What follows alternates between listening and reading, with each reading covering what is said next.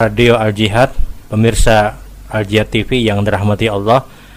Kembali pada kesempatan hari ini insya Allah kita akan menjawab pertanyaan yang sudah dihadirkan. Assalamualaikum warahmatullahi wabarakatuh. Waalaikumsalam warahmatullahi wabarakatuh. Bagaimana kalau kita yang menghutangi, mengikhlaskan hutangnya, segala hutang yang ada dianggap sudah selesai, apakah itu diperbolehkan? Diperbolehkan dan ini adalah bagian kebaikan yang diperintahkan oleh Allah Subhanahu wa taala dan Nabi sallallahu alaihi wasallam bersabda man yasara fid dunya yasarallahu lahu fid dunya wal akhirah. Siapa pun kata Nabi yang memberikan kemudahan kepada seorang muslim Allah akan berikan kemudahan bagi dia di dunia dan di akhirat. Kita tahu bagaimana kehidupan akhirat begitu berat khususnya ketika kita semua digiring ke tempat yang namanya mahsyar. Urusan kita begitu berat dan begitu sulit kalau ada orang dalam kehidupan dunia dia bisa memberikan kemudahan kepada orang lain, Allah akan mudahkan urusan dia. Allah akan mudahkan urusan dia. Orang yang berhutang kemudian dia ikhlaskan apakah boleh silahkan. Namun yang paling ideal adalah dia beritahu kepada orang tersebut agar apa? Agar tidak ada lagi beban pikiran bagi orang tersebut. Dia beritahu ini sudah diikhlaskan. Artinya hutangnya sudah dianggap lunas. Idealnya dia sampaikan karena kalau tidak disampaikan, tidak sempurna ganjaran pahala yang diberikan oleh Allah. Karena mungkin masih ada beban pikiran orang tersebut untuk menyelesaikan hutangnya. Jadi dia sampaikan, kemudian dia ikhlaskan dan mungkin mohon maaf mengikhlaskan hutang yang seperti ini kalau hutangnya sedikit masih nyaman. Tapi kalau sudah banyak, berpikir benar juga sudah. Ya, mungkin kalau orang yang dia punya kemampuan berlebih, silahkan. Dan itu kebaikan bagi dia. Tapi kalau nang berhitung sama-sama sakit juga hidup ya ya mungkin paling dia ikhlaskan untuk apa? Untuk menunda memberikan tenggang waktu. Ada orang yang berhutang 10 juta. 10 juta jumlah yang banyak. Kemudian dia juga sangat berhajat. Sementara orang tersebut belum mampu bayar. Dan dia tahu orang itu belum mampu bayar. Dan dia ingin dapat pahala masih Bagaimana caranya? Dia berikan mungkin tenggang waktu seminggu misalnya. Dia berikan tenggang waktu lagi satu pekan. Satu pekan yang dia berikan kepada orang yang berhutang dengan dia itu sedekah nilainya yang nilai sedekah tersebut dalam ada dua riwayat. Riwayat pertama adalah sama seperti utang yang dia berikan seakan-akan dia bersedekah dengan jumlah hutang tersebut. Riwayat yang kedua setengah dari hutang yang dia berikan. Maksudnya seperti ini kalau ada orang berhutang 10 juta kita ingin dapat pahala dari 10 juta tadi. Kita berikan waktu orang tersebut untuk melunasinya taruhlah satu pekan. Satu pekan dalam satu riwayat sama setiap hari dia bersedekah 10 juta. Dalam riwayat yang lain separuh dari hutang yang dia berikan taruhlah misalnya 5 juta kita ambil riwayat yang kedua yang 5 juta aja. Paling tidak dia punya nilai pahala sedekah 5 juta setiap hari dia bersedekah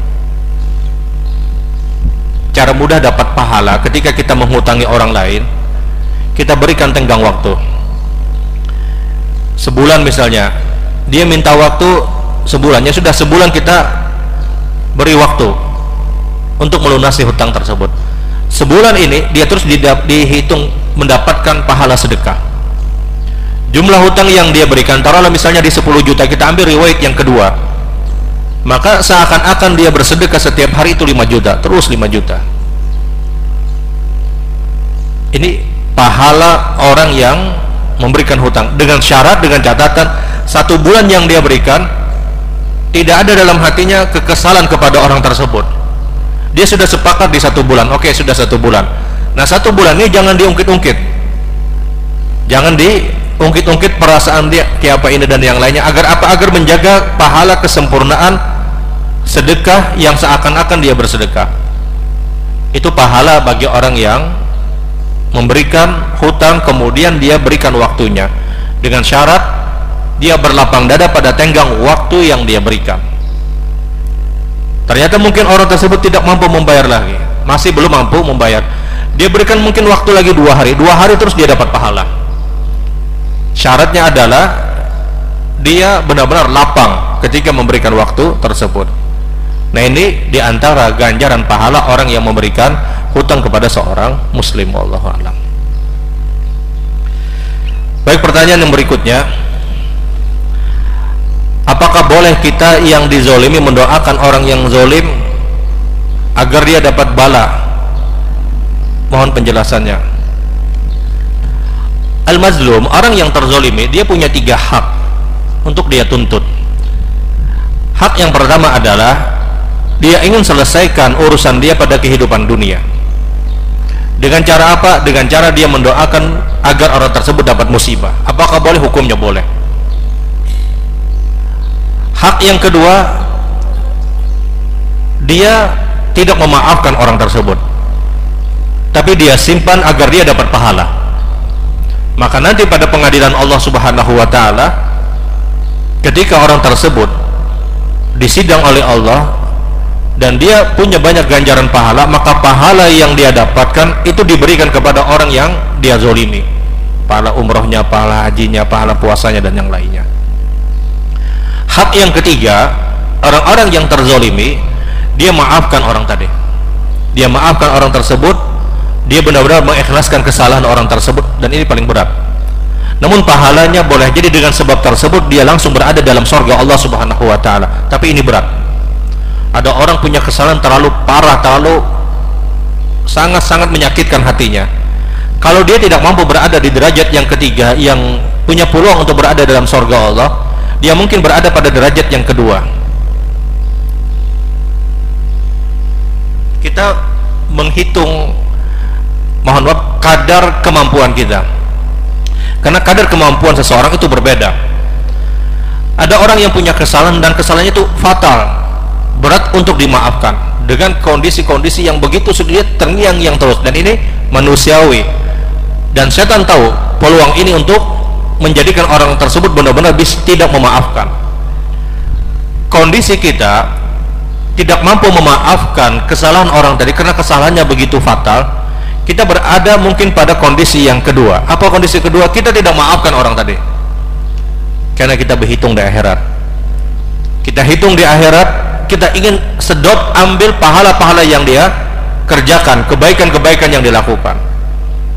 Atau kalau dia tidak punya kebaikan sekalipun dosa kita ditimpakan kepada orang tadi. Atau ada orang yang sama sekali ingin dia segerakan agar dia terpuaskan. Kelawasan menunggu di akhirat saja kelawasan menunggu di akhirat wah ini aja sudah. Dia doa minta kepada Allah ya Allah berikan keadilan. Ya Allah timpakan musibah kepada fulan.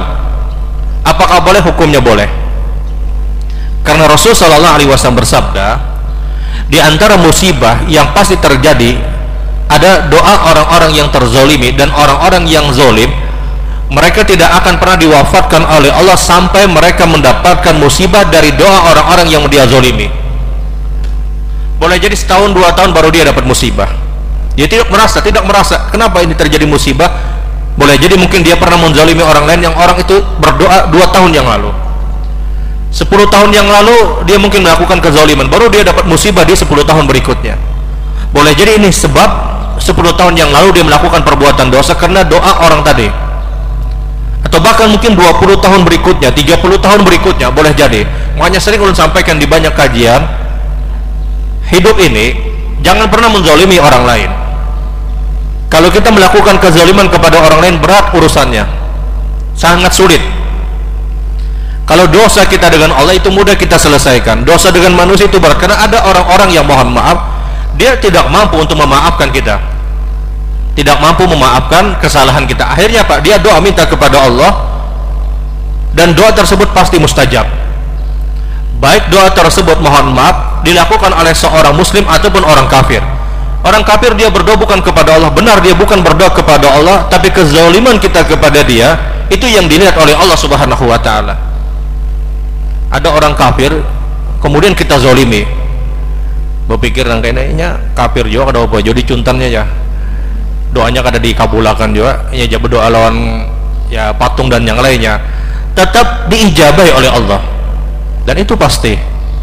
Karena yang dilihat oleh Allah kezaliman kita kepada orang lain bukan masalah dia berdoa kepada Tuhan-Tuhan mereka tidak terlebih ketika kezaliman kepada muslim. Makanya Mu'ad ibnu Jabal ketika diutus Rasul Sallallahu Alaihi Wasallam ke Yaman untuk berdakwah kata Rasul ya Mu'ad innaka satati qauman min ahli kitab falyakun awwal ma tad'uhum ilaihi syahadatu la ilaha illallah wa fi riwayat ila ayyi wahidallah fa innahum ata'uka lidzalik fa alimu anna Allah farada alaihim salawatun fi kulli yawmin wa fa innahum ata'uka lidzalik fa alimu anna Allah farada alaihim sadaqatan tukhadhu min aghniyaihim wa turaddu ila al-fuqara'i wa taqi dawqatul madlum fa innahu laysa bain wa bain Allah hijab kata Nabi Shallallahu Alaihi Wasallam Mu'ad hari ini saya engkau utus ke Yaman.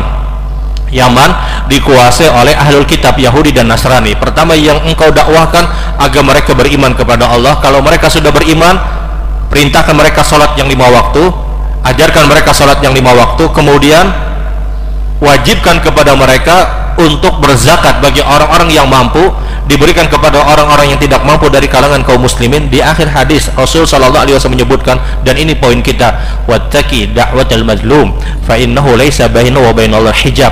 Hati-hati engkau doa orang-orang yang terzolimi. Karena tidak ada hijab tidak ada pembatas antara dia dengan Allah. Benar-benar diijabahi. Benar-benar dijawab oleh Allah. Meskipun ijabah doa dari Allah subhanahu wa ta'ala tidak mutlak harus sebagaimana yang kita minta.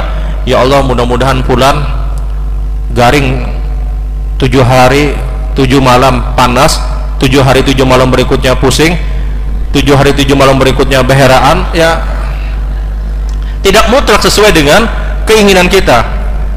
Dia dapat musibah dia dapat musibah. Doa tersebut itu mustajab. Nah kalau kita mampu untuk menahan hak kita tadi kita bisa berada pada yang kedua. Apa itu? Kita tidak memaafkan karena kesalahannya sulit untuk dimaafkan. Akhirnya apa? Kita simpan saja untuk urusan kita di akhirat. Atau kalau ada orang yang istimewa dia mampu untuk memaafkan dia maafkan dan dia punya peluang untuk berada dalam surga Allah. Namun ini berat. Ini berat. Dan setan bermain pada yang ketiga ini. Setan tahu hadis ini. Sehingga dia akan bisikan orang jangan engkau maafkan meskipun di satu sisi ini manusiawi kita tidak mampu memaafkan kita juga seorang manusia berat. Namun di sisi lain setan lihat peluang ini. Jangan sampai ada orang yang mampu memaafkan karena dia akan mudah untuk berada dalam surga Allah subhanahu wa ta'ala. Kalau kita tidak mampu pada level yang pertama tadi dalam artian bisa langsung untuk memaafkan maka mungkin kita berada pada keadaan yang kedua. Kita tidak maafkan karena kita berhitung di akhirat. Atau ada orang yang benar-benar sangat parah kesalahannya dan dia tidak sabar untuk menunggu kehidupan akhirat. Sekarang aja sudah supaya ia merasakan apa yang saya rasakan. Kemudian dia doa apakah dia berhak? Dia punya hak. Dia punya hak wallahu a'lam